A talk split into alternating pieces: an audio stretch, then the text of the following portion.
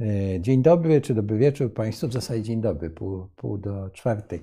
E, chciałem bardzo przeprosić za opóźnienie półgodzinne. E, no, zima, tak powiem, daje się nam we znaki. I żeby nie zabierać więcej czasu, dobry wieczór Panie Profesorze, czy dzień dobry Panie Profesorze. Proszę Państwa, postanowiliśmy zmienić troszkę ten cykl wykładów, dodać jeden wykład Bud e, takim, pod takim tytułem Buddyzm, Imperium Majrów i Grecy w Indiach. Dlatego, że wydawało nam się, że te pięć wykładów, jakie zaproponowaliśmy, no bez tego tematu, czy bez, z pominięciem w ogóle kwestii, kim był Buddha, no wydawało nam się, że to będzie zbyt daleki skok i pan profesor był łaskaw e, się zgodzić na to i dzisiaj zamiast y, o y, y, islamie w Indiach będzie wykład taki uzupełniający właśnie pod tym tytułem i żeby nie już nie zabierać czasu, oddaję panu profesorowi głos. Będziemy wyświetlać slajdy, tak jak pan profesor będzie sobie życzył.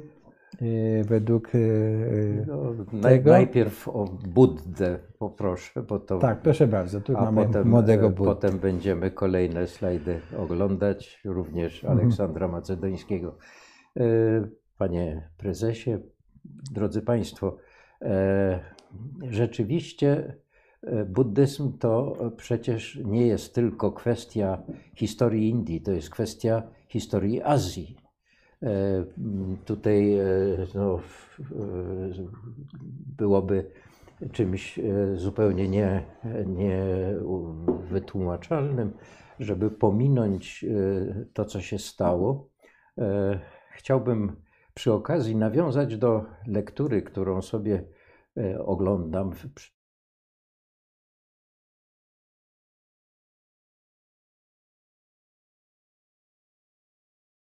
porównawcze, więc e, zaglądam do, tych, e, e, do tego typu książek i tam znalazłem stwierdzenie, że tylko i wyłącznie Jezus jest taką postacią, która bezprecedensową sławę uzyskała na całym świecie, zwolenników i tak dalej. Otóż chciałbym powiedzieć, że nie zgadzam się do końca z tą, aczkolwiek nie kwestionuję ty, tej, tej ale nie, nie zgadzam się z tym, że tylko Buddha, e, tylko Jezus. Jezus. Buddha też jest postacią historyczną, tak jak Jezus, i e, powinniśmy sobie zdawać sprawę z tego, że olbrzymia część Azji e, jest e, jakby zafascynowana, jeśli wolno użyć takiego niereligijnego określenia, postacią Buddy. To, jest, to są całe Indochiny to są Chiny, to jest e, e, Japonia, e, to jest Ceylon czy Sri Lanka dzisiaj. W najmniejszym stopniu, o dziwo, i o tym będę mówił, to są Indie.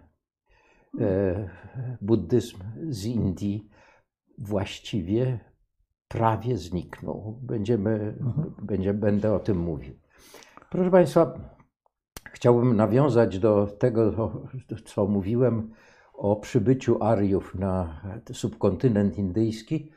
E, tu jest taka e, jeszcze ciekawa historia, bo e, niedawno wspominałem wtedy, że są, jest taki kierunek w tej chwili w, w Indiach, ale nie tylko, nie tylko rdzenni Hindusi się pod tym podpisują, również cudzoziemscy e, badacze, niektórzy, e, że oczywiście Ariowie nie przybyli na subkontynent, mówiliśmy o tym, nie przybyli na subkontynent indyjski, tylko że to jest kolebka Ariów.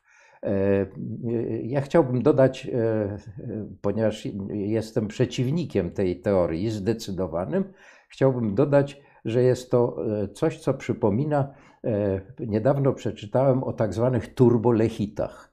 E, to, to są, tak nazwano tych zwolenników e, właśnie takiego przekonania, że Lechia to było państwo mniej więcej od Holandii prawie po Ural, prawda, i że w gruncie rzeczy no, panowaliśmy nad prawie całą Europą. To tylko taki E, takie nawiązanie do... Nasi przodkowie, jak rozumiem, chodzi o to, tak? Że, e, że nasi, przodkowie, że, że, mhm. że my jesteśmy jakby no, spadkobiercami mhm. E, imperium Lechitów, które było właściwie, pokrywało prawie całą Europę. Więc e, mówię o tym dlatego, żeby jeszcze przypomnieć Państwu, że jest ta debata w tej chwili, czy Ariowie przybyli do Indii, czy, czy są e, e, rdzennymi niejako mieszkańcami tego kraju. Ale e, ten, ten powrót do, do, tej, do tego wątku jest mi również potrzebny po to, żeby wprowadzić to, wprowadzić właśnie to, co pozwoliłem sobie nazwać reformacją buddyjską. Proszę Państwa, bo mówiliśmy o tym, że nomadzi, e, ci Ariowie nomadzi, którzy wędrowali z Anatolii poprzez e, całą tę, drogę Iran aż do, do Indii, że dla nich takim jedynym trwałym punktem odniesienia był, e, było ognisko, był ogień. Oni ten ogień uznali za coś centralnego w ich postrzeganiu świata. Rygweda rozpoczyna się hymnem do ognia. Agni mile purohitam Agniego Czczę, e, e, przodownika, prawda? E, to jest pierwsze, pierwsze słowo. I jakby całą, cały światopogląd zdeterminowało to przekonanie, że bez ognia w ogóle nie byłoby kosmosu, wszechświata, nie żylibyśmy, bo, bo to ten ogień płonący w słońcu u, u, pozwala na życie na Ziemi, ten ogień wszechludzki, Wajśwanara Agni, który płonie w nas, ogień trawienny, e, jest ogniem, który zapewnia żywot e, nasz, bez tego byśmy nie mogli żyć. Także oni, e, jak rozumiem, oceniali to bardzo trafnie. I teraz w Indiach właśnie w połowie pierwszego tysiąclecia przed Chrystusem jak oni już przybyli do Indii, e, formowały się, e, jak na owe czasy zresztą, dosyć nowoczesne monarchie. Dobiegał końca ten okres jakby ostatecznego przekształcenia się nomadów w rolników, w życie osiadłe. Oni po prostu znaleźli tak przyjazne człowiekowi środowisko, w dorzeczu Indusu i dorzeczu Gangesu, że nie było potrzeba, nie było potrzeby e, dalej wędrować i dalej ten ogień, który zamienił się w ogień paleniska domowego, nie, nie był już wyłącznym punktem odniesienia, jeśli chodzi o tą tożsamość dla nomadów. E, konsekwencją e, ukształtowania się na większą skalę form życia osiadłego była dywersyfikacja ról społecznych. Oni osiedlili się e, prawdopodobnie e, ten e, tradycyjny system społeczny ukształtował się ostatecznie właśnie w trybie tego, tej przemiany nomadów w, społeczność rolników, społeczność osiadłych rolników.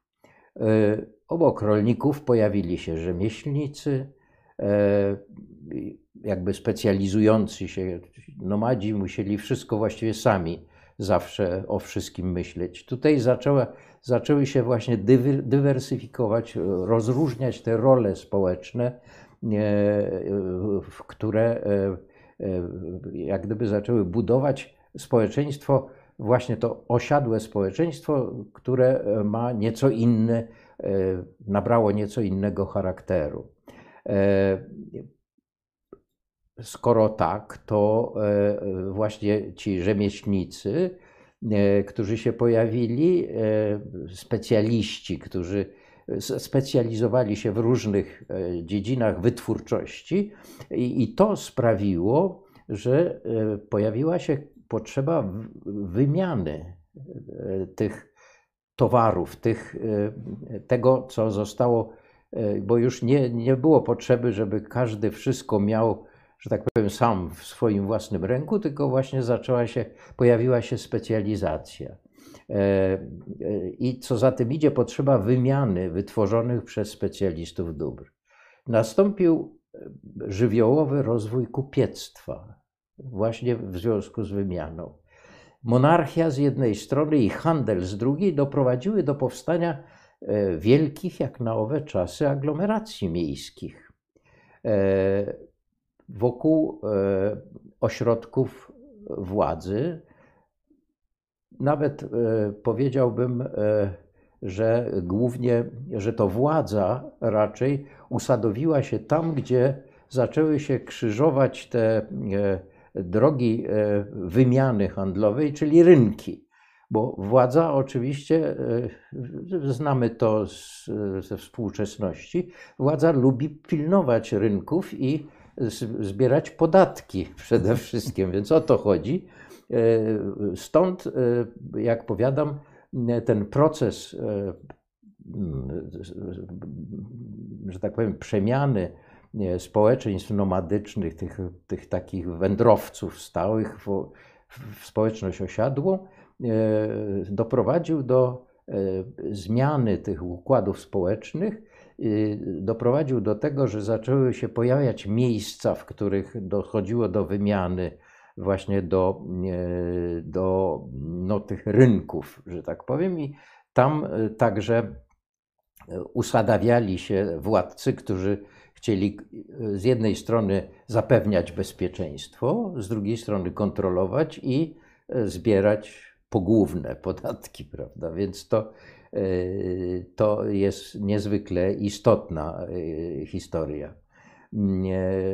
No, jest to zrozumiałe, że władza chce poddać kontroli politycznej te procesy gospodarcze, żeby, że tak powiem, utrzymywać, y, otrzymywać z tego odpowiednie, odpowiednie renumeracje, jeśli wolno tak to nazwać.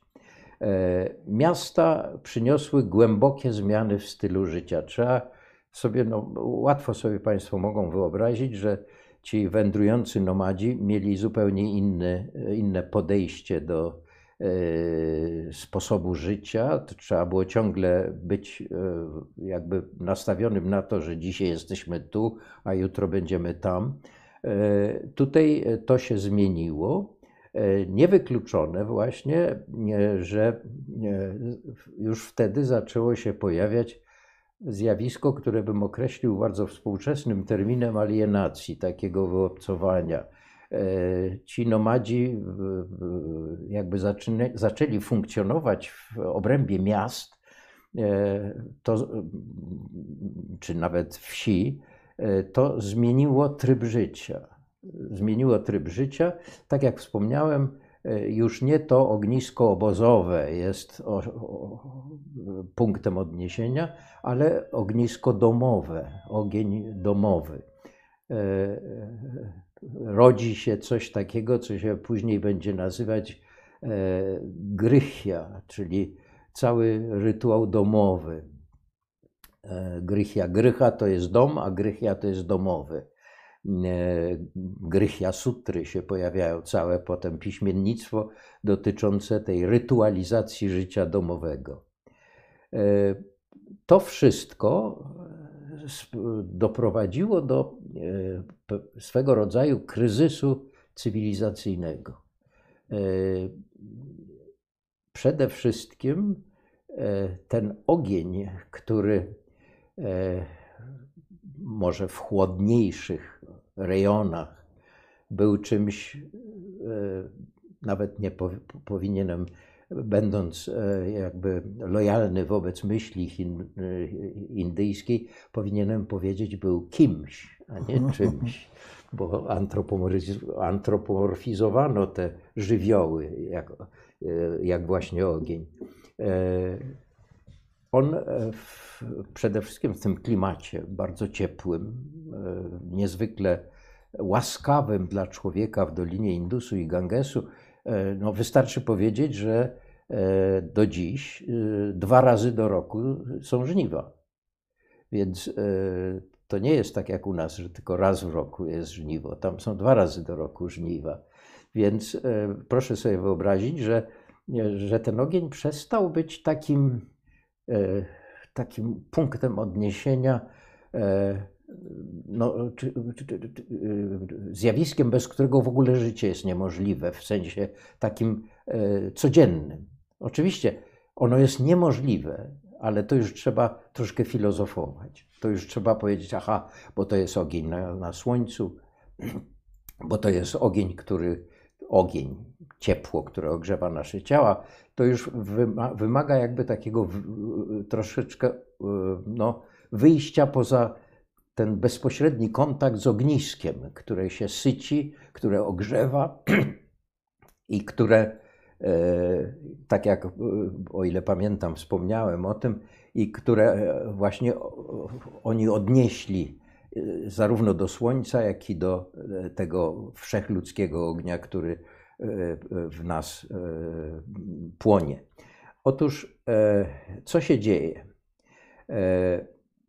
Ten kryzys cywilizacyjny, ta zmiana trybu życia, doprowadziła do tego, że załamał się tradycyjny system wierzeń, opartych na koncepcji ofiary. Ofiary jadnia, to znaczy właśnie generowanie, sycenie ognia i składanie ofiary w ogniu, w tym ognisku, to jakby e, odeszło na plan dalszy, jeśli chodzi o, nie jeśli chodzi o elity bramińskie, bo oni w dalszym ciągu to kultywowali, ale E, lud, że tak powiem, vulgus populus, jeśli wolno użyć takiego łacińskiego określenia, ten zwykły lud, on jakby przestał uważać, że to jest ten najbardziej zasadniczy punkt odniesienia. W dodatku e, pojawiły się miasta, jak wspomnieliśmy. W życiu e, na ówczesne czasy nawet przypuszcza się, że kilkudziesięciotysięczne nawet miasta, także to, to już były spore e, ośrodki. Takie jak na przykład Pataliputra, e, stolica e, państwa Mauriów, o którym będziemy kilka słów, będę musiał kilka słów powiedzieć jeszcze. I takie zdecydowane wyzwanie tej tradycji rzucił książę Siddhartha z rodu Liczawich, e, e, który żył, e, tutaj korzystam ze ściągawki, bo nie mam głowy do dat, 563, 486 przed Chrystusem. Także się zmniejszają te daty. Mhm. Znaczy, mhm. wyższa jest, bo, to jest mhm. z tamtej strony. Z tamtej strony tego zerowego punktu. No, z tego zerowego punktu, za który uznaliśmy no, narodziny Chrystusa. Chrystusa. I co ten książę, znaczy ten książę wzruszony niezwykle cierpieniem, jest cała ta historia o księciu, który podróżuje i widzi cierpiących ludzi, chorych na trąd. Jakby wszystko to go do, do, do, do głębi serca przejmuje i on jakby zadaje sobie pytanie, skąd to cierpienie, dlaczego tyle jest tego cierpienia. I e, dochodzi do wniosku, że e, największym problemem człowieka jest właśnie e, cierpienie. Jego terenem jego misji były ówczesne cztery państwa: Avanti, Magadha, Vatsa, Kosiala. A najwybitniejszym władcą tej epoki był niejaki Ajatasatru, król Magadhy. Proszę Państwa, e, co, co takiego się stało, że ten nasz młody książę, który zostawia e, schedę, która mu się należała, tego państwa Liczawich, opuszcza też żonę, jakby wychodzi z te, tego układu zmierza do miejsca, które dzisiaj się nazywa Bodhgaya. E, tam rośnie drzewo, które e, dziś określa się jako Bodhi, drzewo, e, drzewo przebudzenia. Bo Buddha, mhm. książę Siddhartha, przyjmuje, nie wiem czy, czy on sam, tego nie wiemy, czy też mu nadano taki tytuł, Buddha, czyli przebudzony. Przebudzony, na czym polegało to przebudzenie? No właśnie na tym, że jest cierpienie i jak sobie y, należy poradzić z tym cierpieniem.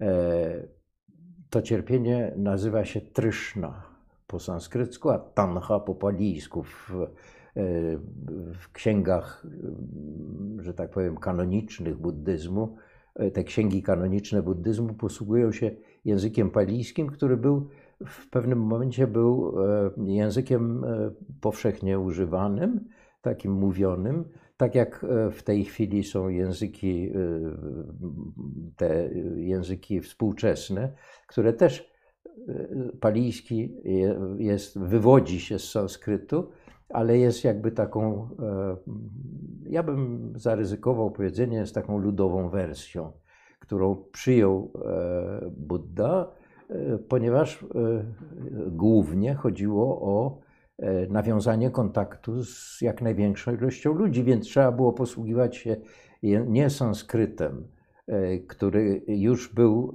wtedy językiem językiem porozumiewania się kapłanów, braminów. E, natomiast e, lud porozumiewał się właśnie najprawdopodobniej przypuścić można, że porozumiewał się tym językiem palijskim.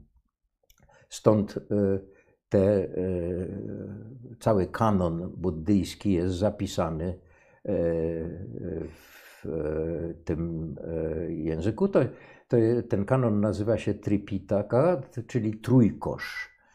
Trójkosz e, zawiera e, jakby wykładnie tego, e, czym,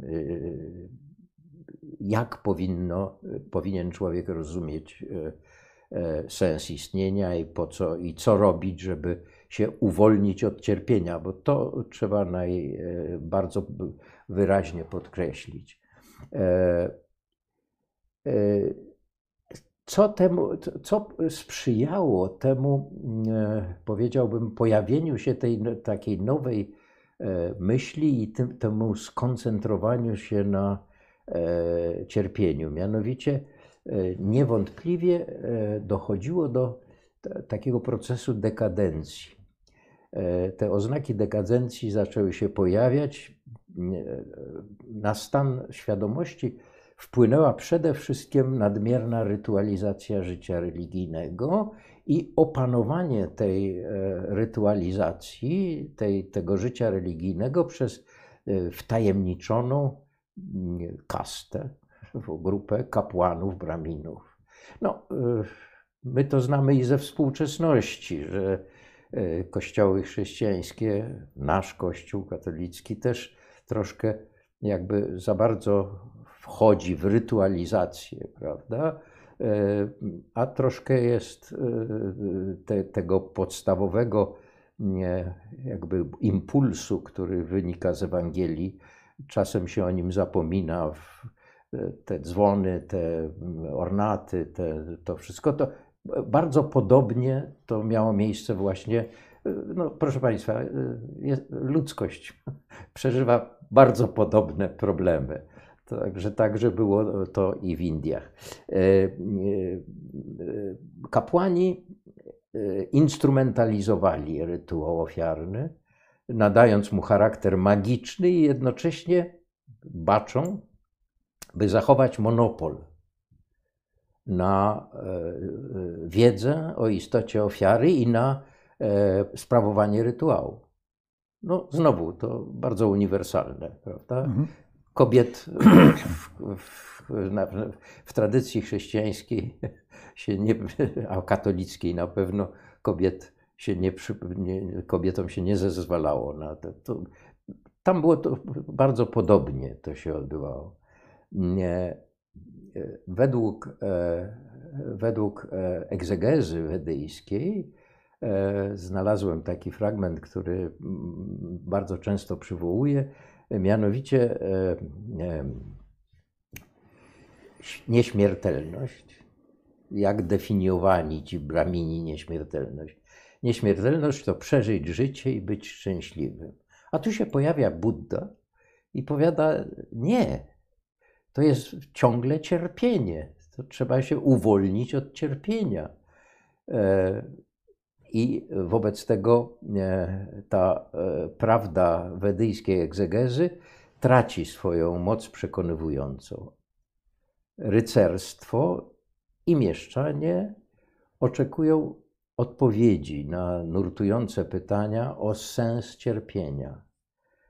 Pesymizm i sceptycyzm zdają się przejmować. Ja wspomniałem, że te ośrodki miejskie, które powstały, właśnie mogły być tą, tym środowiskiem, w którym dochodzi do e, swego rodzaju e, alienacji, prawda? Więc ten to, właśnie ten pesymizm i ten. E, proszę Państwa, i ten, e, jak wspomniałem, właśnie młody książę z rodu Siakiów e, rzuca wyzwanie dotychczasowemu rozumieniu rzeczywistości. Widzimy tutaj jego wyobrażenie, no właśnie wtedy prawdopodobnie, kiedy zaczął swoją działalność, bo robi wrażenie, że jest to jednak młody mężczyzna, prawda? Dość młody mężczyzna. No, może y, taki szczegół, widzimy y, takie bardzo wydłużone, jakby opuszki uch, ucha. To jest, tam tego nie, nie widać specjalnie wyraźnie, ale tam jest otwór. Mianowicie nawet mężczyźni nosili kolczyki, a szczególnie właśnie arystokracja nosili kol, kolczyki, takie kółeczka w, włożone w, w tą małżowinę uszną.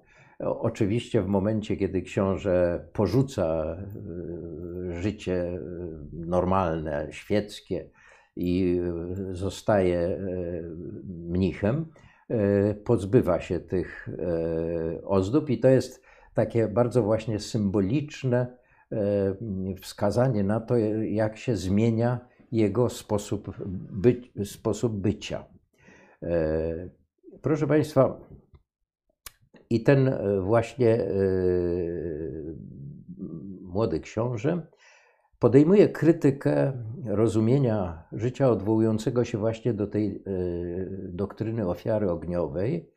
Tutaj podkreślam ofiary ogniowej, czyli tego ognia, który jest w samym centrum zainteresowania Braminów oraz tradycyjnego modelu życia ludzkiego, hierarchii społecznej też. E, proszę pan zwrócić na to uwagę, że Buddha jest tym pierwszym e, krytykiem systemu kastowego. On e, rzuca wyzwanie temu systemowi.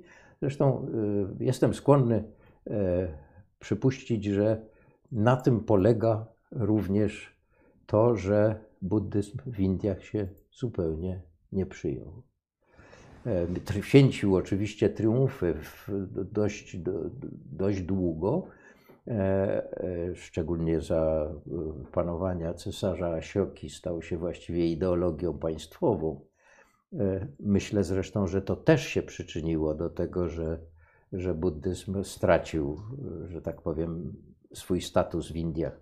Ale wracając do E, do e, tego wyzwania, bo to jest ważne, żeby o tym więcej powiedzieć. Mianowicie e, jest to wyzwanie rzucone bezwzględnemu molochowi bytu, który skazuje nas na cierpienie. W myśli wedyjskiej kama, czyli miłowanie, często błędnie ograniczane przez tłumaczy do idei cierpie, y, do idei e, pragnienia, rządzy, pragnienia. Shire tłumacząc e, w latach 30., tłumacząc jeden z hymnów wedyjskich, e, tłumaczy kamę jako rządza. To nie, nie jest żadna rządza.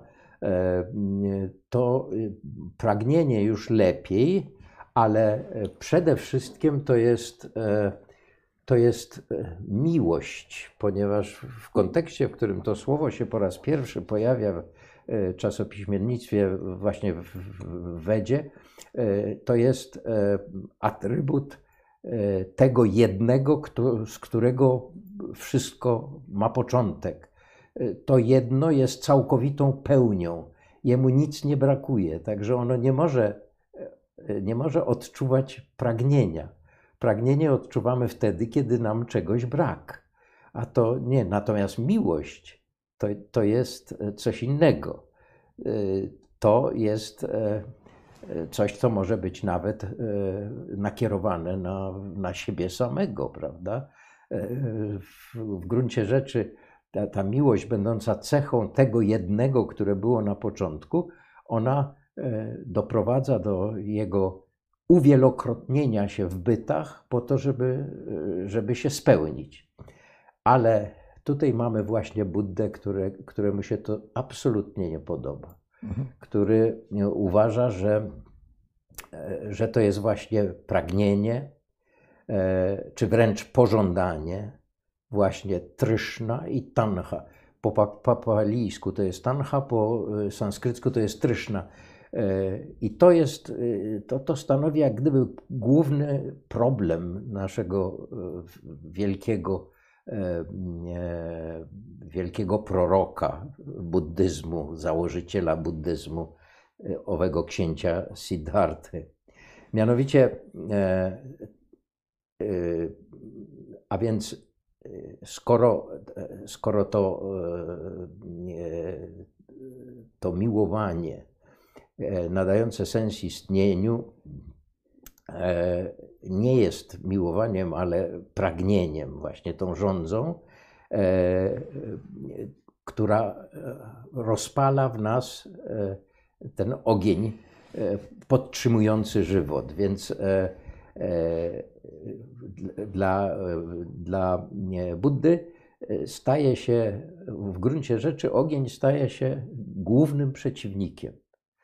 I chciałbym zwrócić uwagę, bo bardzo rzadko spotykam e, osoby, które wiedzą dokładnie, co znaczy nirwana. Zwykle, e, jak o to pytam, a to jest taki stan e, jakby najwyższej wtajemniczenia, wyzwolenia i tam dalej. Ja jestem jednak w dużej mierze filologiem. Ja lubię grzebać w etymologii słów. Nirvana. Nirvana to jest zgaszenie. Jest nawet taki właśnie w pismach buddyjskich jest termin agni nibbana, właśnie w języku palijskim. Agni nirvana wygaszenie ognia.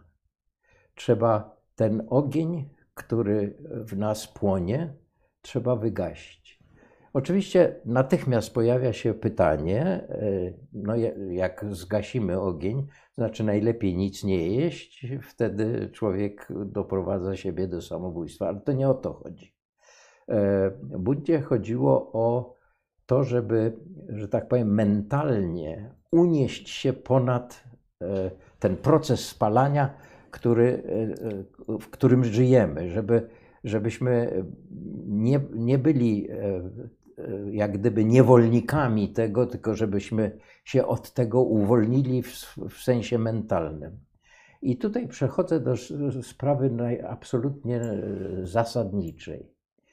Koncepcja ta jest koncepcją wyłącznie, e, którą wyłącznie można w tej pierwotnej, bardzo oryginalnej formie, wyłącznie można e, realizować w, w środowisku klasztornym. Trzeba wyjść, porzucić świeckie życie i to jest propozycja dla, bo to nie chodzi o to, żeby się zagłodzić na śmierć tak jak na przykład w dżinizmie, inny, innej, e, e, no innym, innym wyzwaniu, e, przepraszam, wyznaniu, pomyliłem się, w in, innym wyznaniu, które narodziło się również w, w Indiach, w, nawet może wcześniej niż, niż buddyzm, gdzie właściwie takim summum bonum to jest zagłodzić się,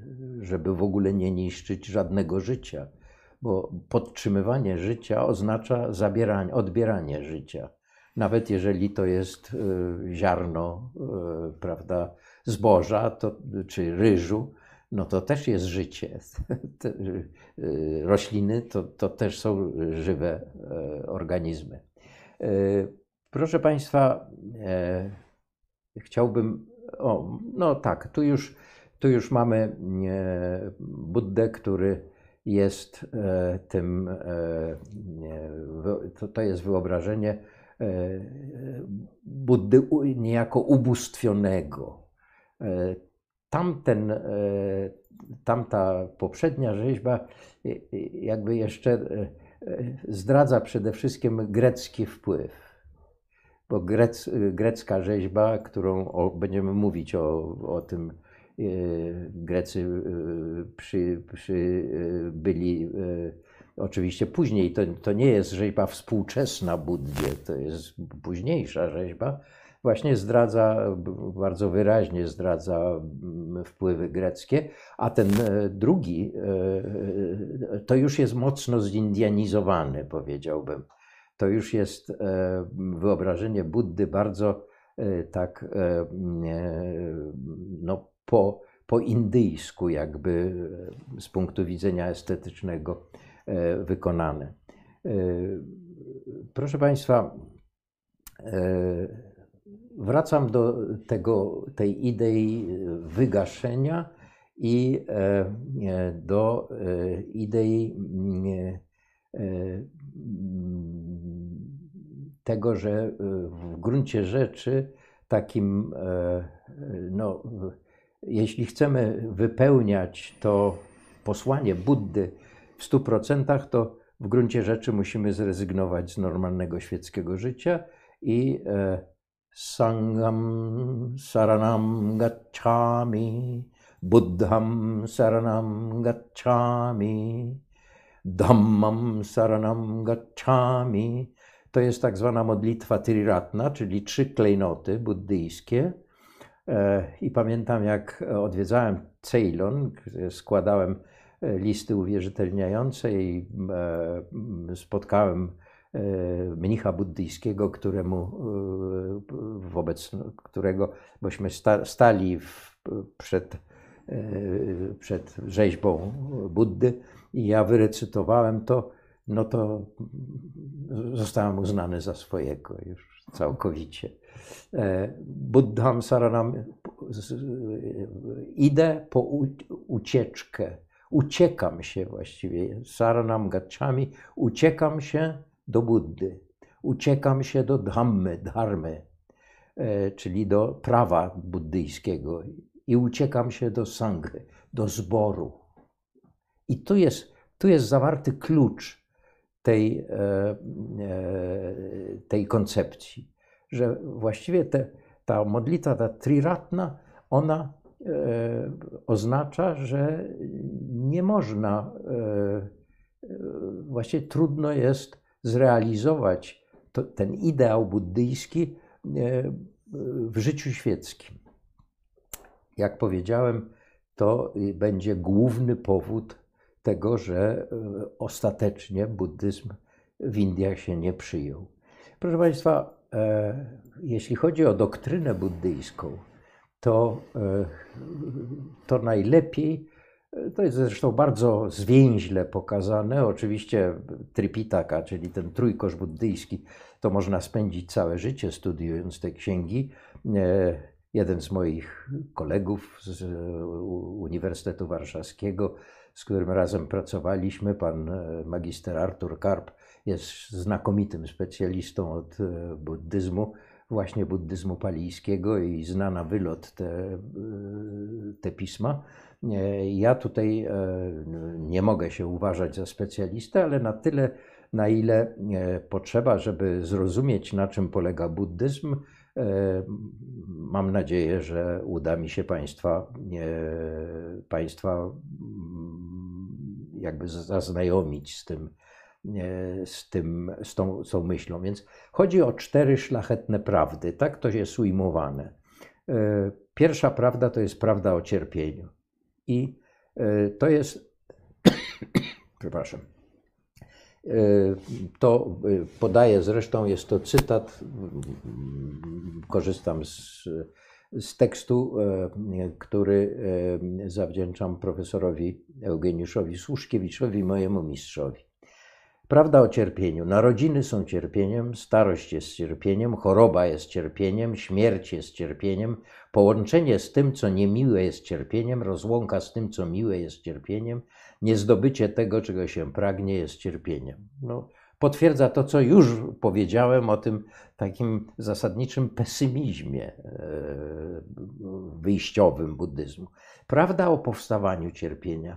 To pragnienie prowadzi do odrodzenia, od odrodzenia do odrodzenia. Reinkarnacja, prawda? Tu, tutaj mamy do czynienia z reinkarnacją.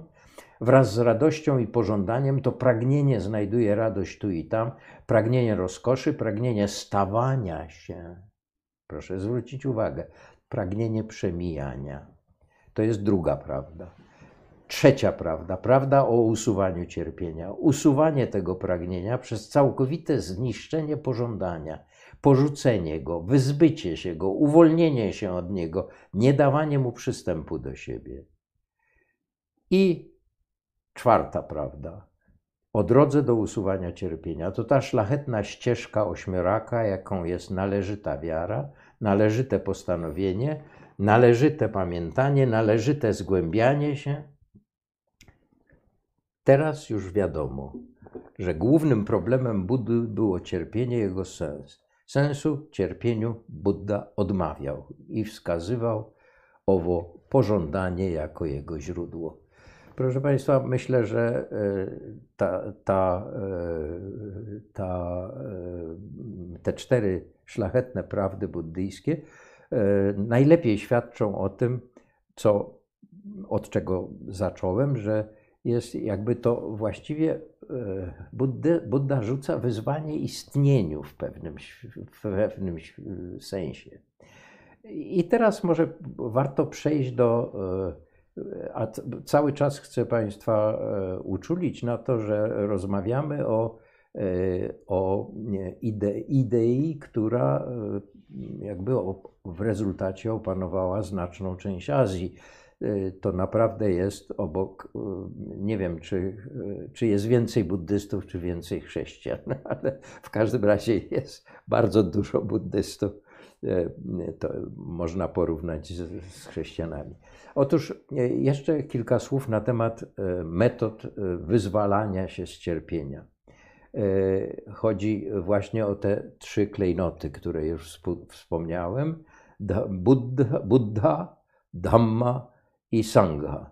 I tutaj e, e, w tym, e, i to chciałbym podkreślić, dlatego że to jest z punktu widzenia tego, co się w Indiach stało z buddyzmem, niezwykle ważne.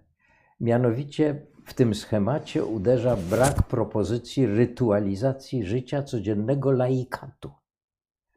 Nie ma takiej propozycji, jeśli chodzi o Indię. E, należy przypuszczać, że to właśnie był główny powód nie, nieomal zupełnego zniknięcia buddyzmu z Indii, e, ponieważ buddyzm, klasztory funkcjonowały znakomicie, e, miały, sponsorowali władcy klasztory.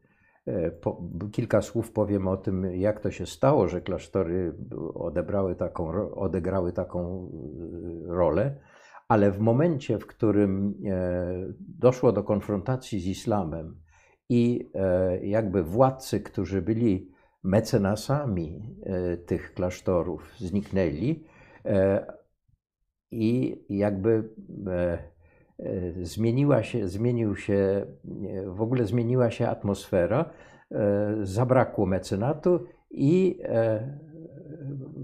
laika, że tak powiem, e, już nie był wtedy zainteresowany. E, musiało dojść do czegoś podobnego, e, na co zwraca, zwraca się dzisiaj uwagę u nas w kraju. że brak powołań, że brak ani do klasztorów się specjalnie ludzie nie garną, ani na kapłanów się specjalnie. To musiało być bardzo podobne.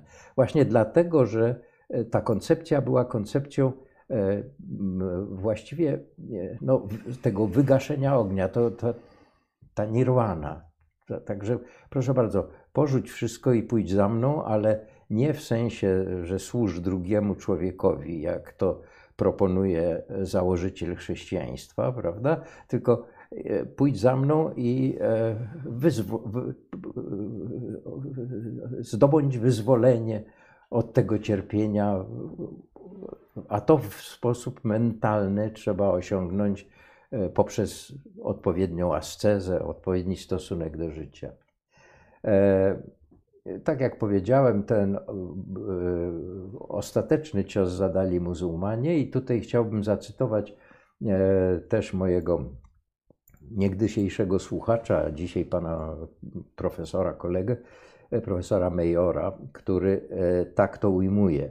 Upadek buddyzmu w aspekcie bytowo-materialnym po fali najazdów muzułmańskich plemion turecko-afgańskich spowodowany został w dużej mierze zniszczeniem owych więzi i ogólnym spustoszeniem kraju, który z trudem mógł teraz wyżywić ludzi. Mnisi porzucali więc żółte szaty zakonne, podejmowali życie świeckie. Inni w obawie przed prześladowaniami uciekali ze zrujnowanych klasztorów, szukając schronienia w sąsiednich krajach buddyjskich Nepalu, Tybecie, Ceylonie, Birmie. Bardzo to jest interesujące, ponieważ e, jakby z miejsca, w którym się buddyzm narodził, e, również przede wszystkim dlatego, że nie zakorzenił się w laikacie wystarczająco mocno, e, pod naporem muzułmanów został niejako wyrzucony z Indii i roz, rozszedł się po, po całej Azji. Oczywiście też nie chciałbym, e, żeby Państwo odnieśli wrażenie, że dopiero wtedy buddyzm zaczął, e, że tak powiem, podbijać inne kraje Azji. Nie, nie. E, znacznie wcześniej i zupełnie dobrowolnie E, Chińczycy na przykład, będziemy o tym, mam nadzieję, znajdzie chwilkę, żeby o tym Państwu powiedzieć. E, e, Chińczycy wysyłali swoich, nie wiem, pielgrzymów do Indii, żeby zdobyć u źródeł księgi buddyjskie, E, spotkać się z wybitnymi e, mnichami buddyjskimi i oddać cześć miejscom, w których się narodził Buddha i w których uzyskał oświecenie. E, tymczasem, co się dzieje, jeśli chodzi o reakcję ortodoksji hinduskiej, bo to jest szalenie ciekawe. Mianowicie, Hindusi są E, nie bywali pod tym względem. E, widziałem, e, nawet to przywiozłem takie, taki oleodruk, który w Bombaju można nabyć, było można nabyć, mianowicie na którym jest Gandhi, Krishna i Jezus.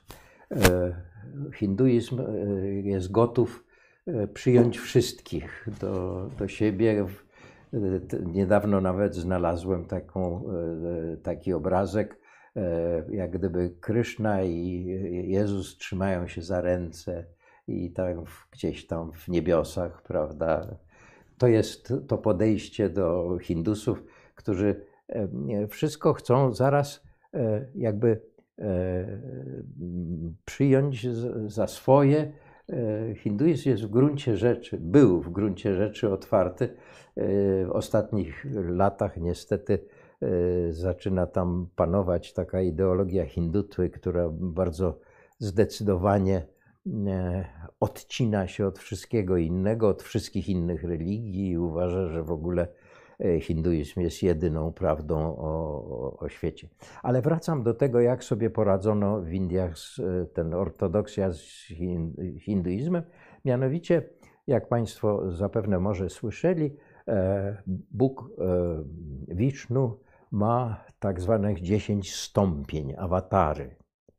Otóż dziewiąta awatara, która jest pierwotnie to był brat Kryszny, to często się mówi brat Kryszny, ale e, dokonano zmiany. Mianowicie to już nie Balarama, brat Kryszny, tylko to Buddha. Jest dziewiąty i jest przezabawne, bardzo sprytne e, uzasadnienie, dlaczego Wisznu wcielił się w Buddę i e, dlaczego doprowadził do e, pojawienia się tej koncepcji. Mianowicie chodziło o to, żeby ujawnić heretyków. E, że to jednym słowem taka prowokacja Wisznu, który wciela się w Buddę, żeby pokazać właśnie, jak heretycy, którzy przeciwstawiają się idei ofiary, przeciwstawiają się temu kultowi ognia, którzy są, prawda, Agginibana, chcą zgasić ten ogień, e, ten ogień e, ofiarny, który, e, którego strzegą bramini i który jest jakby no, punktem odniesienia dla całej, całego systemu wartości tradycyjnych hinduskich. No i w tym e, powodzenie nauki Buddy e, w Indiach w pierwszym okresie e, oczywiście jest, musiało mieć jakąś sankcję bogów, zgodnie z przekonaniem Hindusów. I stąd się pojawia to, to dziewiąte wcielenie. Y, tutaj chcę się posłużyć cytatem, bo on bardzo celnie to ujmuje. E, Wisznu pojawił się jak Buddha po to, by zachęcić demony i złych ludzi do pogardzania Wedami, odrzucenia kasty i zaprzeczenia istnieniu bogów i w ten sposób doprowadzić ich do zguby. To jest jednym słowem taka wielka prowokacja. Niepostrzegalny byt, przyjąwszy śmiertelny kształt, nauczał heretyckie doktryny. To, to już jest e, e, cytat z, e, z pism hinduskich, czyli niepostrzegalny byt, przyjąwszy śmiertelny kształt, nauczał heretyckie doktryny w trzech miastach założonych przez Maję, to łudę, iluzję, w Kasi, w Benaresie, po to, by zniszczyć poprzez omamienie tych nieprzyjaciół bogów wytrwałych w religii ustanowionej przez Wedy. Chwała czystemu Buddzie, omamicielowi dajtiów i danawów, to znaczy rakszasów, tych demonów złych, prawda.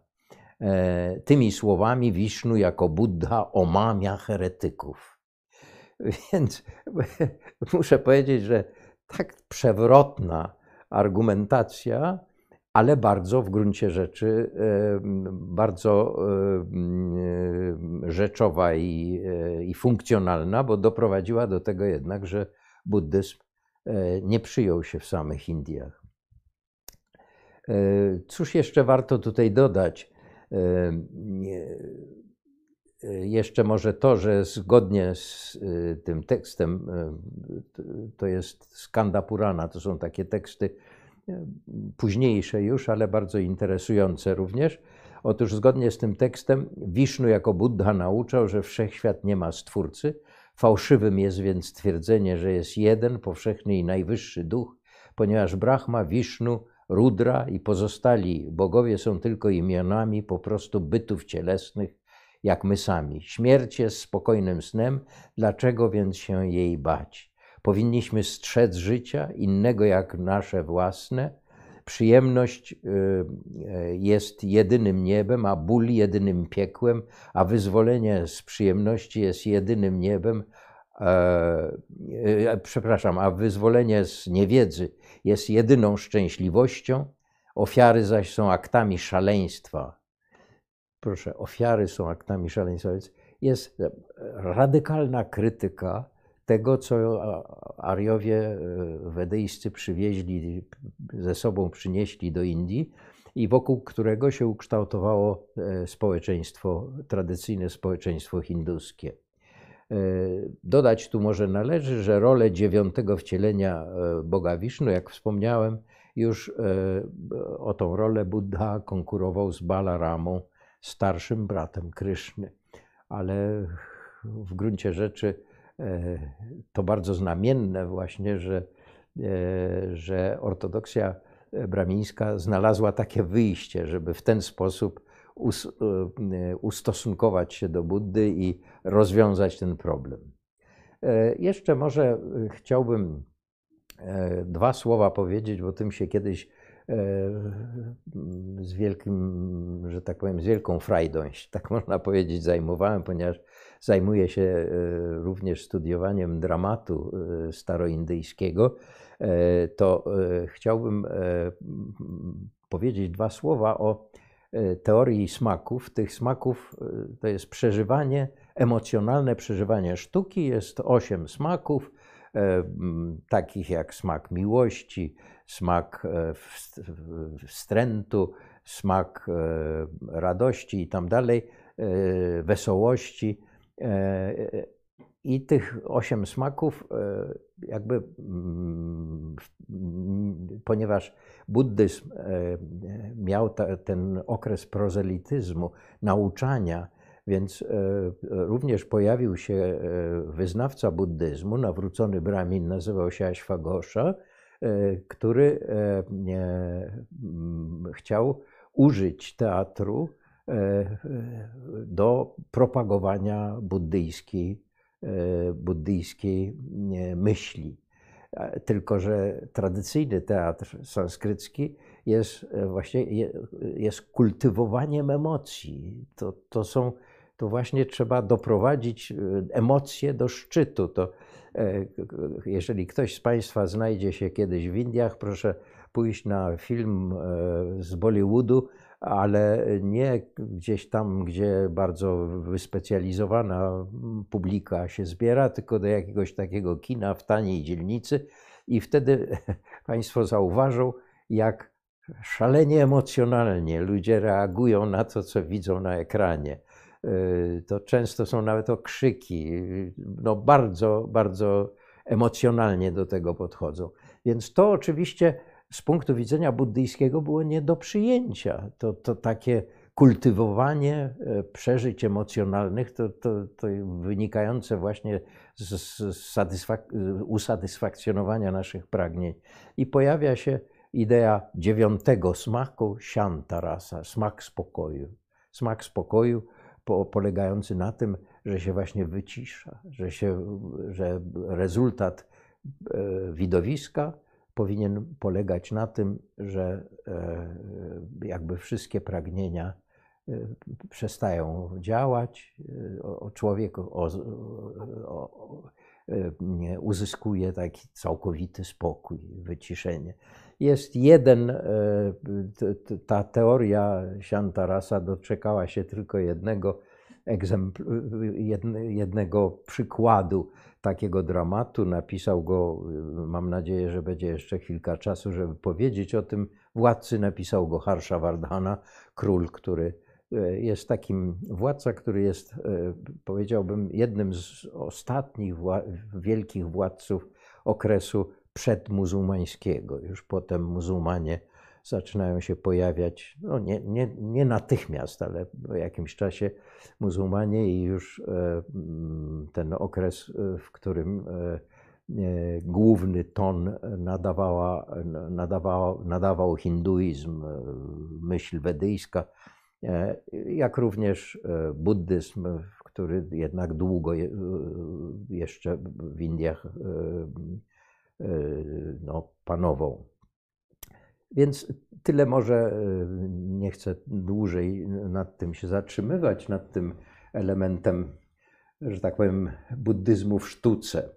E, I e, może warto teraz przejść do historii i przypomnieć tutaj Państwu o dynastii Mauriów. Bo to była ta dynastia, która w gruncie rzeczy mm, nadała buddyzmowi bardzo ważną rolę, w, również w polityce. Ja tutaj jestem może troszkę osamotniony, nigdzie nie znalazłem w, w źródłach e, tego typu podejścia, ale e, e, powiem tak, nie do końca wiadomo, jakie, jakie i czy założyciel dynastii Maurjów, Chandragupta Maurya, miał jakieś wyraźne e, e, sympatie buddyjskie. E, natomiast na pewno takie sympatie miał jego wnuk Asioka. Ale przedtem jeszcze, ponieważ obiecałem Państwu, że będzie kilka słów o Grekach również, to jest też ważne bardzo, bo to wpłynęło na losy. E, o, właśnie, tutaj mamy Aleksandra Macedońskiego. E, I e, proszę pamiętać, że w Indiach panuje Chandragupta Maurya. To jest 322 rok przed Chrystusem, kiedy on E, panuje, a Aleksander Macedoński pojawia się na progu Indii w 326 roku przed Chrystusem, czyli e, cztery lata e, po intronizacji Chandragupty Mauryi do bezpośredniego star starcia między Chandraguptą Maurją i Aleksandrem nie dochodzi, jego przeciwnikiem w Indiach jest niejaki Poros. E, nie do końca. E, ja tutaj muszę powiedzieć, że nie sprawdziłem tego, ale e, prawdopodobnie jest to grecka helenizacja terminu Purusza Poros, ale tu, tutaj zgaduję, proszę to uznać jako hipotezę jeszcze nie nie do końca e, pewną, e, bo e, w źródłach greckich mamy sprawozdanie z właśnie wielkiej bitwy, w której przeciwnikiem jest Poros. Aleksander Macedoński zwycięża i Aleksander Macedoński zostawia na, znaczy sam wraca do Grecji, o ile dobrze pamiętam, nie, nie udało mu się wrócić, bo chyba zmarł na terenie Iranu, e, gdzieś tam. E, natomiast w Indiach zostawia swoich generałów, którzy tam tworzą, w Indiach e, północno-zachodnich tworzą satrapie, które no, jak gdyby poddają się indianizacji i to już jest E, taki stały będzie e, tam element tego. E, to, co, to, co najbardziej uderza, to niezwykły wprost wpływ sztuki, rzeźby greckiej na rozwój sztuki w Indiach rzeźbiarskiej. Oczywiście, że tak jak żeśmy widzieli na tym e, pierwszym, e, e, pierwszym slajdzie, to jest jeszcze bardzo greckie, prawda, mhm. w takim swoim wyrazie. Potem oczywiście Hindusi jakby przyswajają to sobie i to zaczyna mieć inny już wyraz, taki już bardzo, bardzo powiedziałbym zhinduizowany. Oczywiście z tego kontaktu prawdopodobnie wiele wynika i to prawdopodobnie też w obie strony. To znaczy, bo wiadomo przecież, że system dziesiętny zawędrował do, do Europy, a narodził się w Indiach. mówi się o cyfrach arabskich, to dlatego, że Arab, Arabi, Arabowie byli pośrednikami.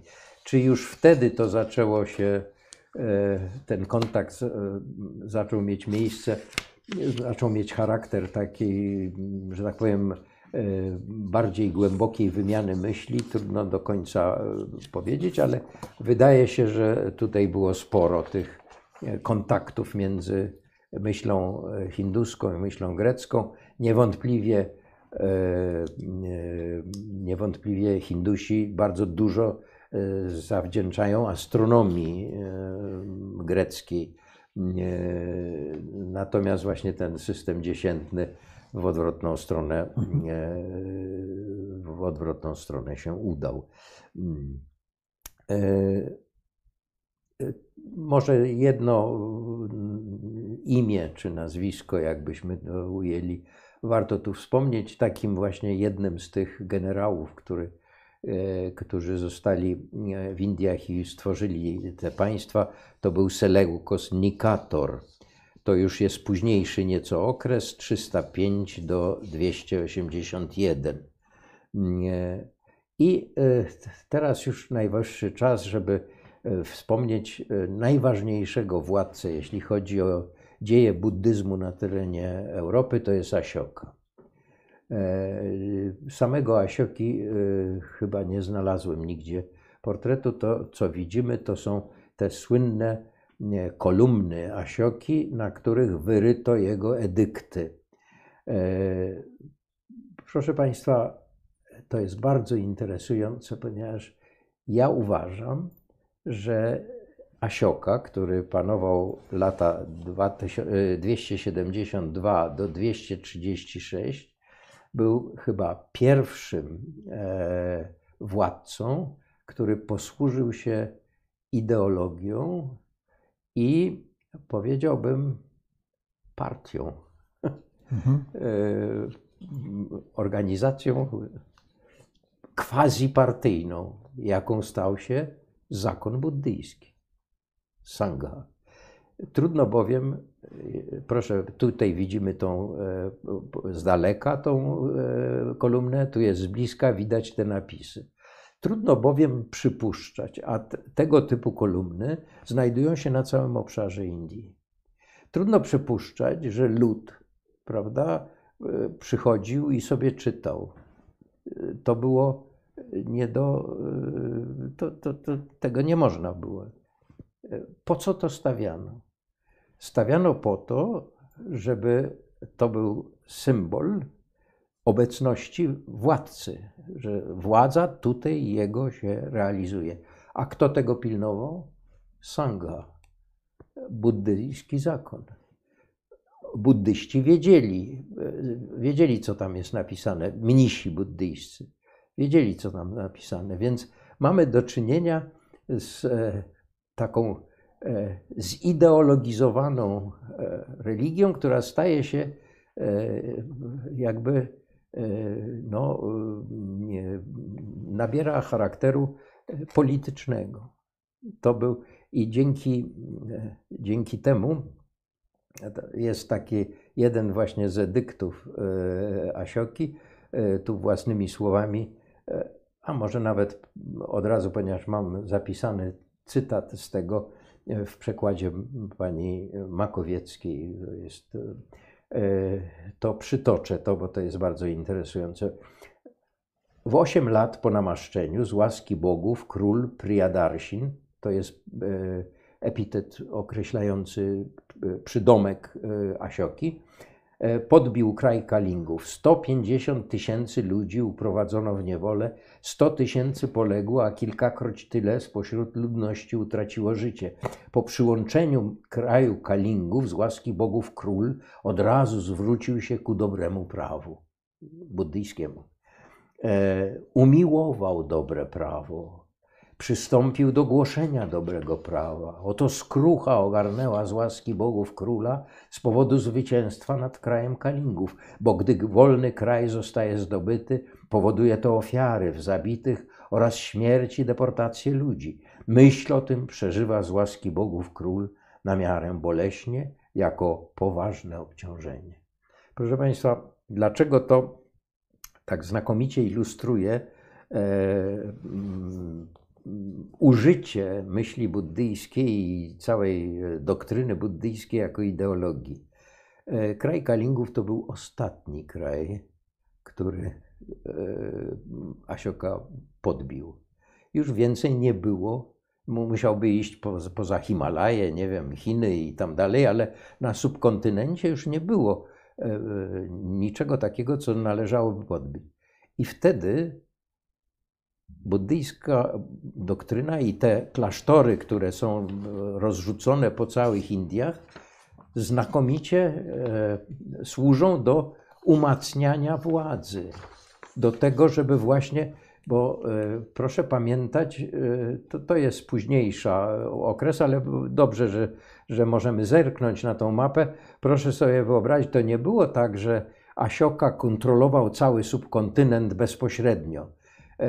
Kontrolował, prawdopodobnie kontrolował w jakiejś mierze szlaki komunikacyjne, ale właśnie dzięki temu, że klasztory buddyjskie były rozrzucone i tam, gdzie e, trzeba było postawić znak, że tutaj włada króla Sioka, tam powstawała albo kolumna, albo ryto e, w skałach te napisy, na, na ścianach skalnych, to raczej e, bardziej na północny zachód, bo to jest po całych Indiach rozrzucone. Więc muszę powiedzieć, że E, że to mnie uderzyło, że e, buddyzm e, stał się ideologią i przypuszczam, że to upolitycznienie buddyzmu przez Asiokę też było w dużej mierze przyczyną, że jakby nie rozwinęła się, nie rozwinęła się świecka, świecki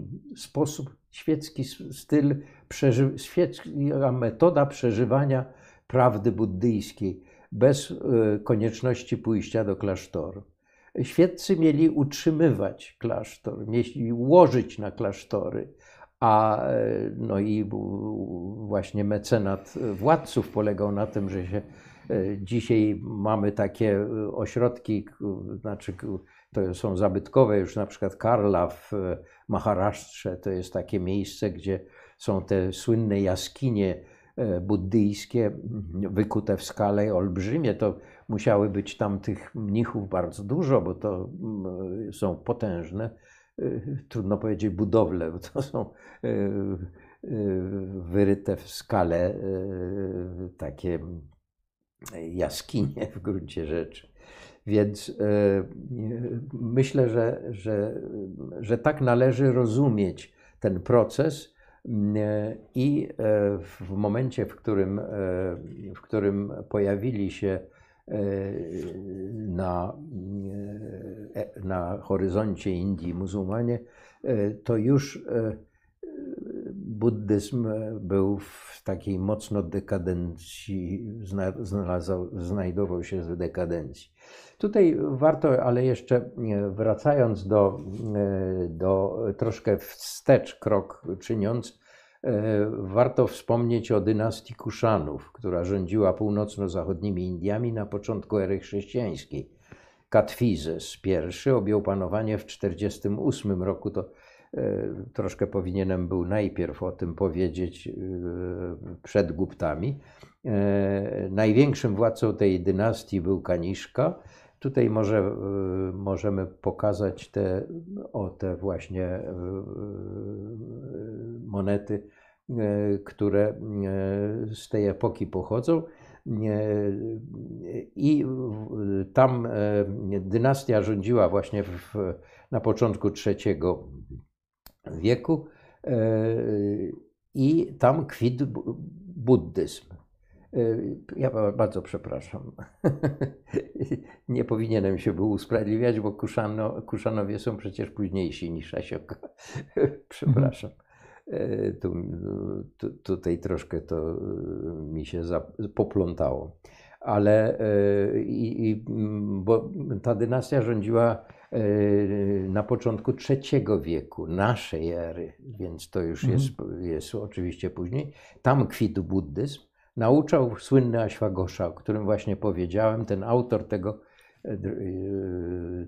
prawdopodobnie, tak bym mu przypisywał, autor tej koncepcji smaku spokoju, ponieważ wiemy, że on pisał sztuki, zachowały się fragmenty jego sztuk, mm. niestety nie, nie całe, ale fragmenty jego sztuk i można przypuszczać, że właśnie ten smak spokoju był e, tutaj bardzo istotny.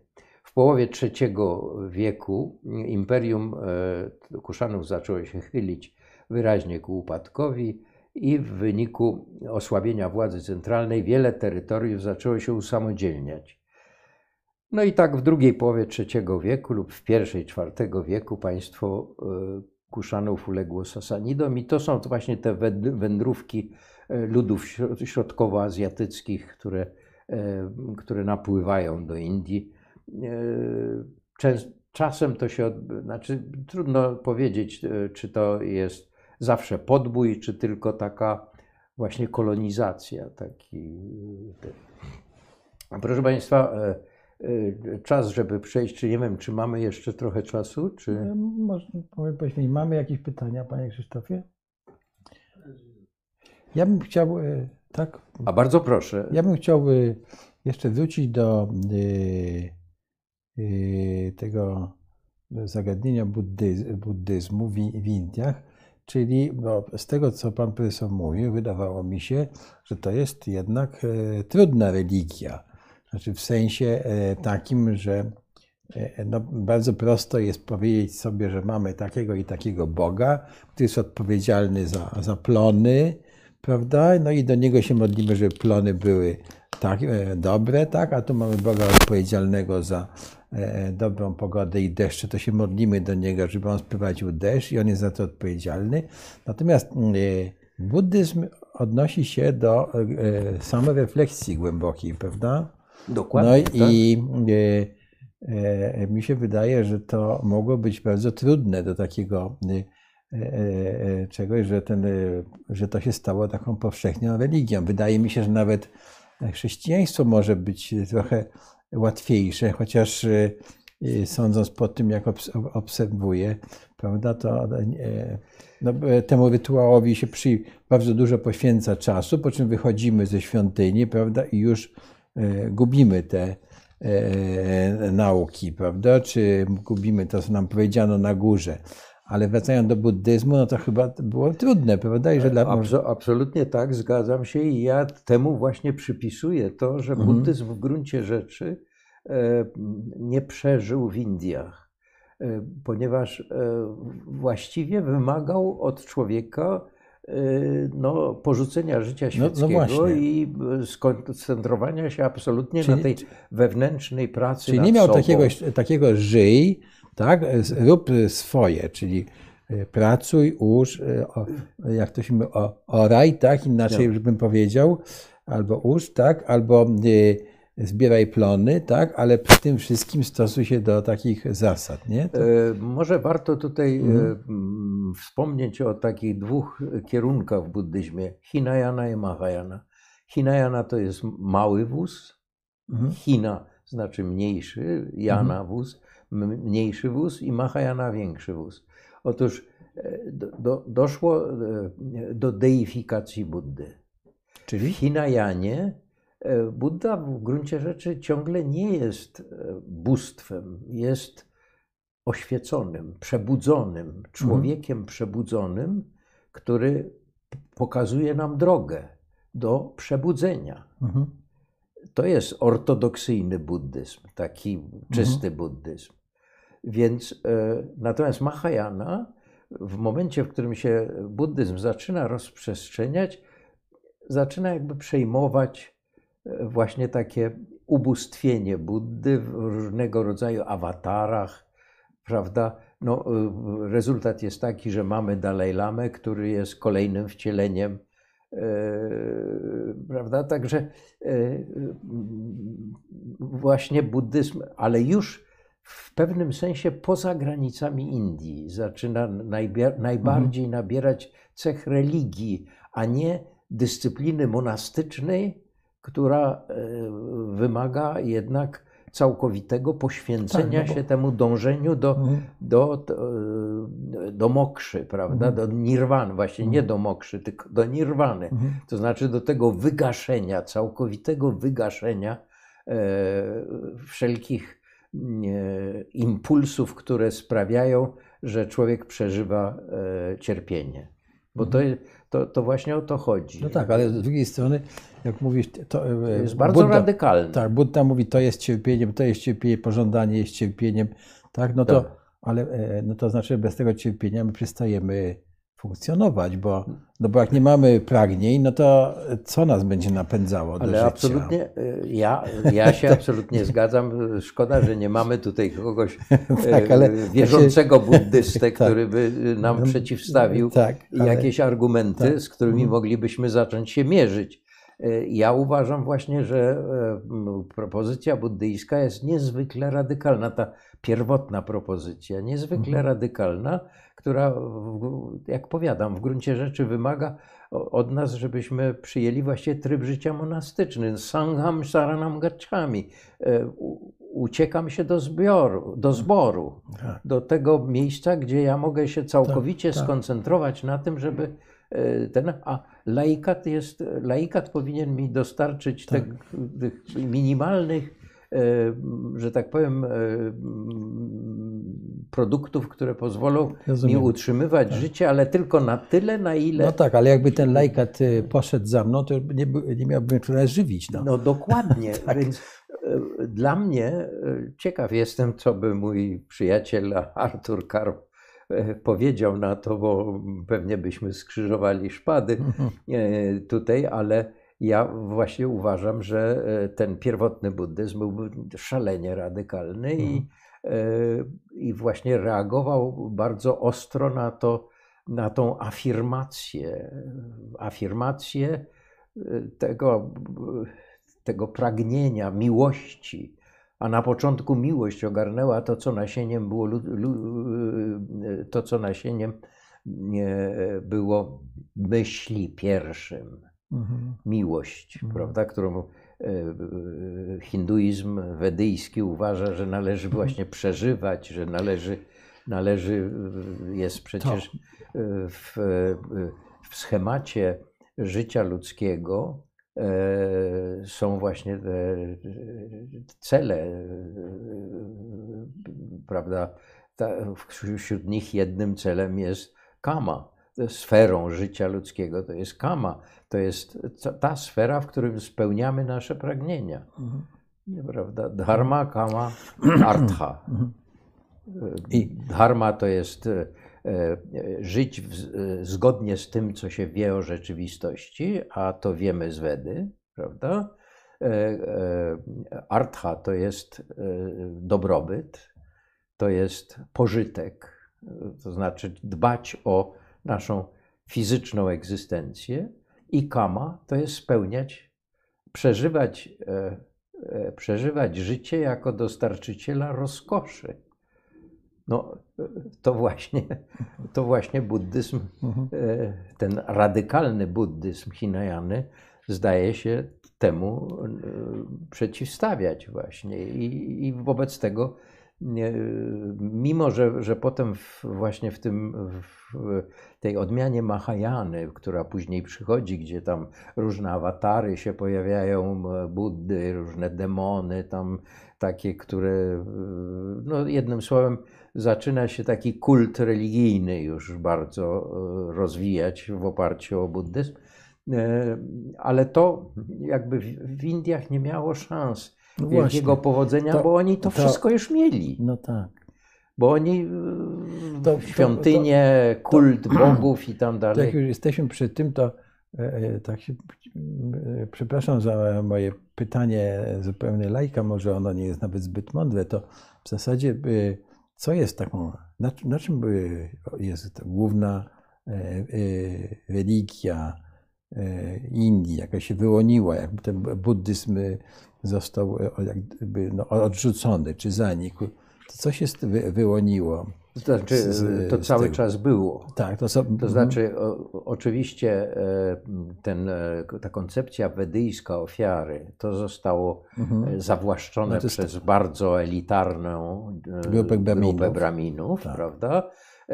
Przecież jak Siudra usłyszałby recytację wedyjską, to trzeba mu rozpalony ołów wlać do łóżka. No tak, czyli oni znowu stawiali to bardzo znaczy, wysoko. To oni bardzo, to, to było całkowicie elitarne, ale e, bardzo moim zdaniem e, przebiegle i celowo.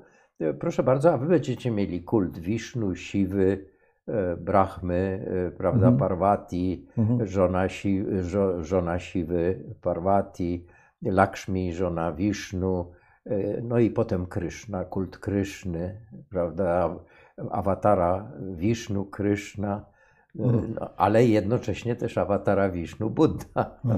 Mm, Więc tak. Kryszna, który jest jakby uosobieniem spełnienia pragnień i życzeń, on tańczy z pasterkami, on gra na flecie, on, on jest no, światowiec w ogóle, bardzo taki ten.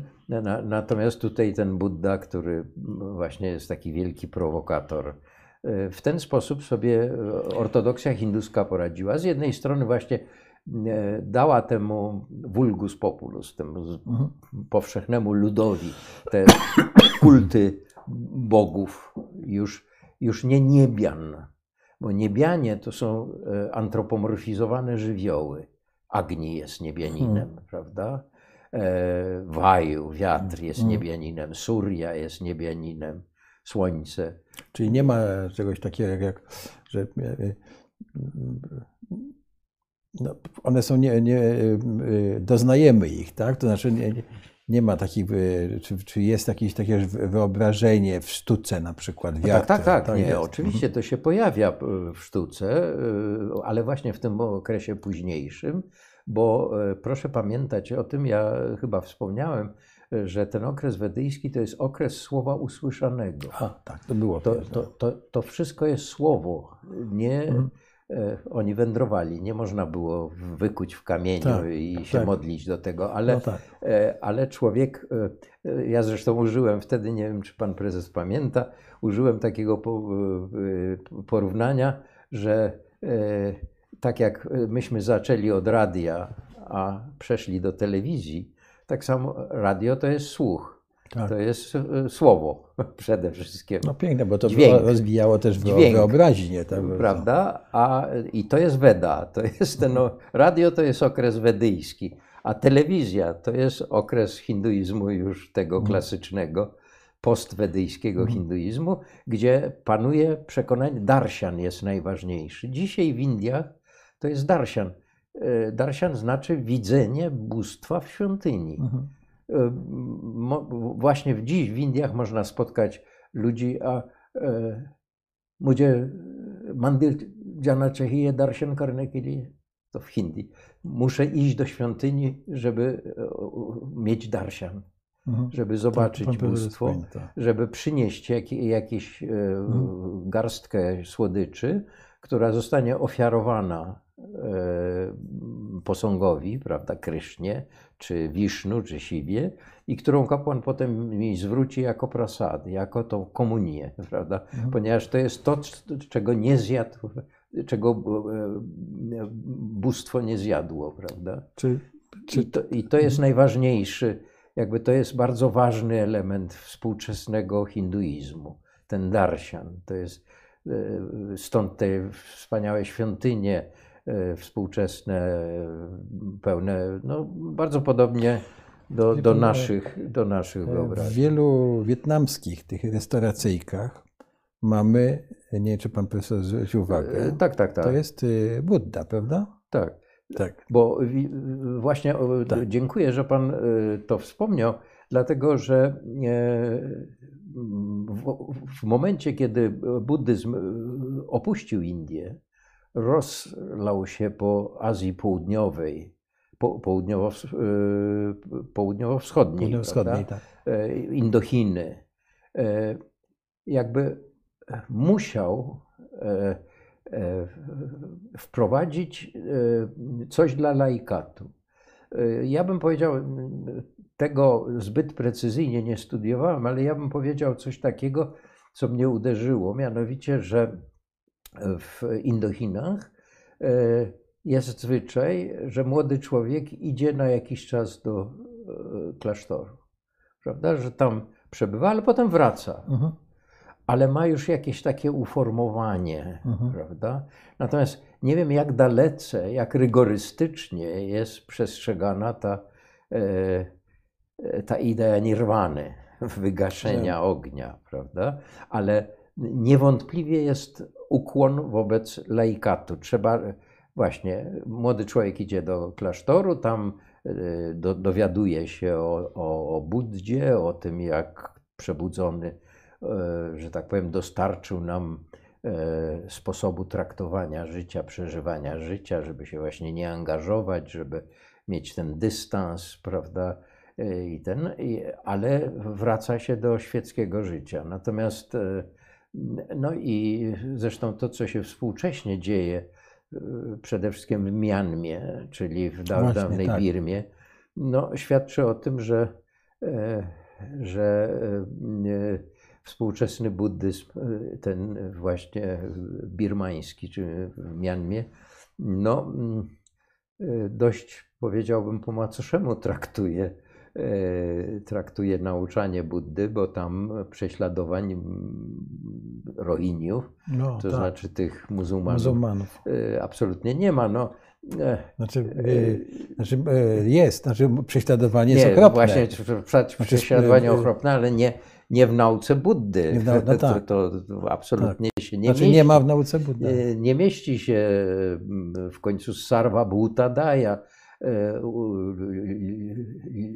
litosne, e, litosny stosunek wobec wszystkich istot, prawda? E, no, ja tylko chciałem powiedzieć, że będziemy rozmawiali o Birmie w piątek z profesorem a, Góralczykiem, a, a kanwą to... będzie ta jego książka no to świetnie, to Birma, pan tak, profesor tak, Góralczyk tak, na pewno, na, na pewno te, o tych sprawach powie tak, właśnie, tak. na ile to się mm, tak mm. przełamało, ale no, E, stosunek e, naszych katolików polskich e, wielu no, no, do to... na przykład do, do tych migrantów. Tak. No też jest. No, można powiedzieć, że nie, ja mam nie, takie wrażenie, nie najłaskawszy. Że jako chrześcijanie tośmy trochę zawiedli, tak? Nawet nie trochę, tak? No, no, tak? no, bo... no mamy z tym problem, że, tym problem, że, tak. że to obcego, prawda, przyjąć należy. Tak. tutaj... Chciałbym jeszcze y, wrócić do Ashoki, czy Asioki, no bo to jest postać niezwykle popularna. Dzisiaj są, są nagrody a, a, Asioki, czy Ashoki. Pewno, tak. Samoloty są Samo, nazwane tak, imieniem tak. Asioki. Czy można troszkę więcej, bo tutaj mówiliśmy o, tak bardzo skrótowo o nim, czy to był, on był rzeczywiście takim organizatorem, no doszedł do, o, podbił Indię i jak tutaj pan profesor cytował, to się jednak odbyło e, strasznie krwawo, więc Absolutnie to, no to co było takiego dobrego, że tak powiem? No, dobre było to, że w momencie, w którym ostatnie gniazdo oporu, jakim było państwo Kalingów. Czyli wyrżnął wszystkich i wtedy mógł sobie znaczy, rządzić. Tak. Może, może wszystkich nie wyrżnął, ale, nie, ale wszystkich. No, ale była bitwa, prawda? Tak. W bitwie poległo pewnie bardzo dużo osób. No, no potem, można doliczyć się potem, miliona. No to. Tak. Potem, przede, potem trzeba było pewnie spacyfikować troszkę ten kraj. Ten, mhm. No i i potem trzeba było, e, mm, e, znaczy trzeba było wymyśleć sposób na to, żeby uspokoić sytuację i żeby kontrolować mhm. to, co się podbiło, prawda? I w moim osobistym przekonaniu buddyzm, ten taki właśnie buddyzm mnisi, że tak powiem, ta sangha, to, to partia. Mhm. To się sprawdziło. I buddyzm dostarczył Asioce znakomitej ideologii, e, takiego uspokojenia nastrojów. I proszę bardzo, no e, tak, rzeczywiście, zrobiłem nieładnie, ale, tak, ale teraz. To klasycznie Kisi, jest takie zdanie Henry'ego Kissingera, jak on pisze o Chinach. I ono nie dotyczy tylko Chin, że można kogoś podbić i tak dalej, prawda? I, no ale na Bagdetach się nie da siedzieć, trzeba stworzyć ideologię, tak? I rozumiem, że Ashoka, ja, ja to dokładnie tak traktuję mhm. właśnie. To jest e, troszkę tak, jak e, e, mówiło się za Stalina, że zrobimy taką walkę o pokój, że kamień na kamieniu nie zostanie, prawda? Tak. Więc on... Ale ty, czy ten jego kraj był dobrze urządzony? Bo tam było, znaczy, mówił pan profesor o handlu. Pewno, znaczy rozumiem, że, ha, że handel nie, był bezpieczny, na pewno, tak? E, na pewno to było państwo dobrze potem rządzone, mhm. pewnie dość twardą ręką. Zresztą E, proszę pamiętać o tym, że to nie było tak, że no w każdej powiecie, jakbyśmy dzisiaj powiedzieli, czy w każdej gminie e, był przedstawiciel e, cesarza. Nie. On głównie kontrolował szlaki handlowe, no i te zakony mnisie, te klasztory, rozrzucone po całych Indiach, aż po Ceylon przecież, mhm. one spełniały taką rolę tych e, takich znaków e, obecności tej mhm. ideologii, prawda? I, i, tego, e, jeżeli ktoś chciał się dowiedzieć, co na tych, na tych kolumnach jest napisane, to mógł się do mnichów udać. udać Oni prawdopodobnie, ja tu nie mam dowodów, hmm. ale przypuszczam, Czyli oni byli jedynymi, którzy posiadali mądrość E, przeczytania tego. Przeczytania. Tak? Oni tak. wiedzieli, do, do, czego tam się odwołuje mhm. E, panujący władca. E, I myślę, że, że to było dosyć dobrze zarządzane państwo, ale oczywiście też upadło. I tylko, że następny okres, nie wiem, czy mamy jeszcze czas, żeby. No, musimy chyba kończyć, bo już na, na, przecią, przeciągnęliśmy prawie. No właśnie, tak, tak, przeciągnęli, tak, to już nie będę, ale nie, nie, będę, bo w takim właściwie ostatnim, e, ostatnim akordem e, wielkości, e, to jest właśnie Harshawardhana, tak. cesarstwo rządzone przez Harshawardhanę. Harshawardhana znaczy pomnażający radość. Mhm. E, to, to, to Muszę już... powiedzieć, że, się na, że nasi władcy powinni taki przydomek sobie przybrać, pomnażający radość. nie, nie, nie bardzo rozumiem, co pan profesor ma, ma na myśli, bo dostarczają nam dużo emocji, ale, ale niekoniecznie radości. Ale, bardzo to przy, przydomek, bardzo, bardzo, bardzo tak. Ale wróćmy jeszcze, bo tutaj mamy jeszcze o, to jest, tego To jest podobno tak? jego właśnie autograf, e, mhm. własnoręcznie napisał. A czy wiemy, co tu jest napisane? Swahasto Mama Maharaja Dhiraja Shri Harshasya.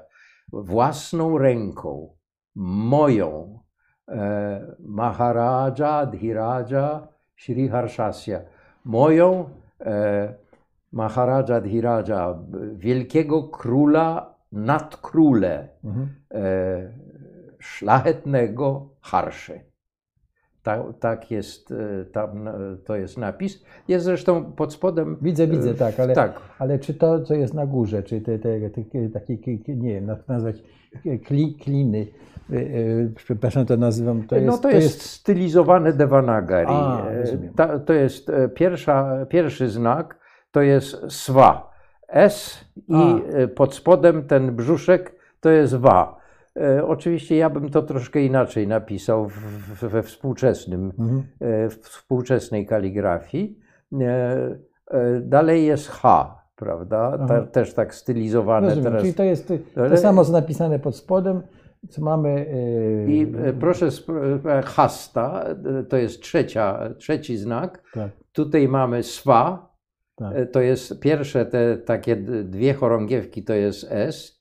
a tam jest e, swa, has i też mamy S, też taką chorągiewkę, tylko z takim dymkiem jeszcze na, na górze, mhm. więc Yy, to bardzo stylizowane Devanagari jest. Tam mapa to, było, to jest właśnie jego jego cesarstwo, całe północne Indie mniej Czyli więcej. to jest y, ten obszar y, fioletowy, ten, tak? ten, tak, ten właśnie taki fioletowo-czerwony, to Mhm. jest obszar jego e, panowania. No, nie, nie są to całe Indie, ale w każdym razie jest, No, jest tak, to bardzo, bardzo potężne tak, państwo. E, y, mo, może warto powiedzieć, że to był e, ostatni e, wyznawca buddyzmu Harsha. Właśnie on napisał dramat pod tytułem Nagananda, który jest ilustracją tego e, smaku spokoju Mhm. E, o buddyjskim nachyleniu. I jeszcze może warto powiedzieć na koniec, bo to jest bardzo ciekawe. E, On e, nawrócił się na buddyzm i w czasie uroczystości, które się odbywają, odbywały w Prajagu, to jest tam, gdzie spotyka się Yamuna i Ganga, rzeki, zlew mhm. dwóch rzek, trzech, bo jeszcze jest Tak, mityczna tak, tak. Saraswati. Tam w czasie, prawdopodobnie to już było właśnie w czasie Kumbh Meli, czyli tego wielkiego święta, które się co, bodaj co kilkanaście lat odbywa, w, nie, co kilka lat chyba, czy się, Mhm. tak, tak, nie, odbywa. Tam już wtedy się to musiało odbywać i e, on w, e, w procesji, przebrany za Indrę, Boga Indrę, na głowie niósł posąg Buddy. Mhm. E, I był na niego zamach Bramini, że to on jako Indra niesie Buddę, to, O- to coś strasznego. Obraza, tak. No to obraża uczucia, więc był na niego Ale zabili, zamach. zabili go? E, nie, nie, nie, udało się. E, oni, a oni wszyscy zostali skazani na banicję, bo to byli bramini. Nie wolno było ich zabić. Mhm. Więc Rozumiem. zostali wygnani z kraju. Mhm. Prawda? To mu musiało Czyli- być szalenie. Wspomniał pan profesor, że do dzisiaj się odbywają te. Tak, e, tak. Czyli rozumiem, że ta ciągłość pewnych, e, tego o czym mówiliśmy, tej, tego aszoki, asioki, tak, i znaczy e, przetrwała do, do dzisiaj. Ma, ma wpływ na- Niewątpliwie, y, Tak. jeśli chodzi o hinduizm, właśnie w łonie hinduizmu, przy czym proszę pamiętać, że hinduizm to nie jest tylko religia. To jest way of life, to jest Mhm. sposób życia. To jest, y, to trudno oddzielić y, czysto religijny aspekt Jasne, od, to- to- mhm. od y, takiego życia codziennego. My, my, myśmy tego dokonali. Życie codzienne sobie, No, tak, a tak, religia ale- sobie. no, ale- troszkę, e, oczywiście tu jestem troszkę e, samokrytyczny, prawda, bo uważam się za chrześcijanina, ale e, jakby e, bardziej się izolujemy. Ten wymiar religijny to niedziela, kościół, prawda, tak na co No, dzień ja, to, co to prawda, lepiej kiedyś nie zawracać sobie tym byłem głowy.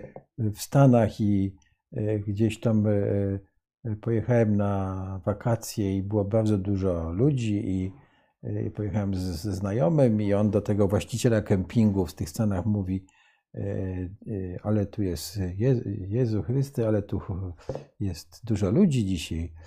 I on tak e, z- zbladł, ten pan, taki właściwie tylko kempingu, Ameryk, mo- można powiedzieć Amerykanie, to nie tam jakiś Teksańczyk. Tak, tak, tak. I mówi, don't e, mention the name of Jesus Christ in vain in my presence. Czyli nie wymieniaj Pana Boga Nadaremno w w mojej- mojej, obecności. Tak? I, więc więc, to, Tak. więc No, z tym przestrzeganiem to jest bardzo, Bardzo, różnie. bardzo znamienne jest, y, nawiązując do tego, co Pan podniósł, Panie Prezesie, bardzo znamienne było coś takiego, mianowicie kiedy wyświetlano serial oparty na Mahabharacie Mhm. i na Ramayanie, ulice pustoszały. Hmm. Ulice pustoszały, bo Mahabharata i Ramayana to nie są tylko takie epopeje jak Iliada i Odyseja. Oczywiście w Tak. europejskiej tradycji Iliada i Odyseja to są, ja się na to powołałem w Indiach. Tak. Mhm. Mówiłem o tym, prawda?